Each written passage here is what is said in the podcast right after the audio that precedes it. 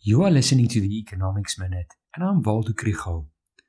Economists would like to know how the economy is doing, but one of the big challenges is the delay with which official data becomes available.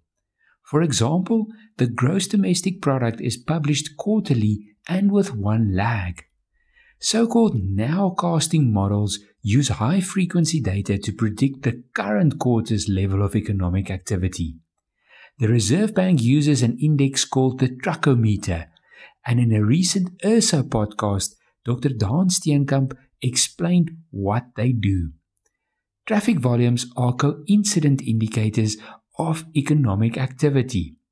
To get an idea of how the economy recovered after the lockdowns, one can examine whether freight transport increased again to the levels before the pandemic. The Reserve Bank uses SANRAL data of traffic volumes. It is collected from almost 9,000 points across the country on an hourly basis. Average numbers of vehicles are calculated per monitoring point and per route. The data for short, medium, and long trucks are available. They then build indicators for local, provincial, and national roads.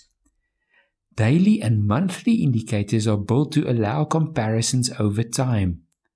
The bank finds that there are about 60 routes throughout the country where the truckometer has a correlation with GDP of 0.9. So if you find yourself behind a slow truck on the N12, remember it's an indicator of economic activity. If you want to learn more about the economy, follow the Econ 101 page on Facebook.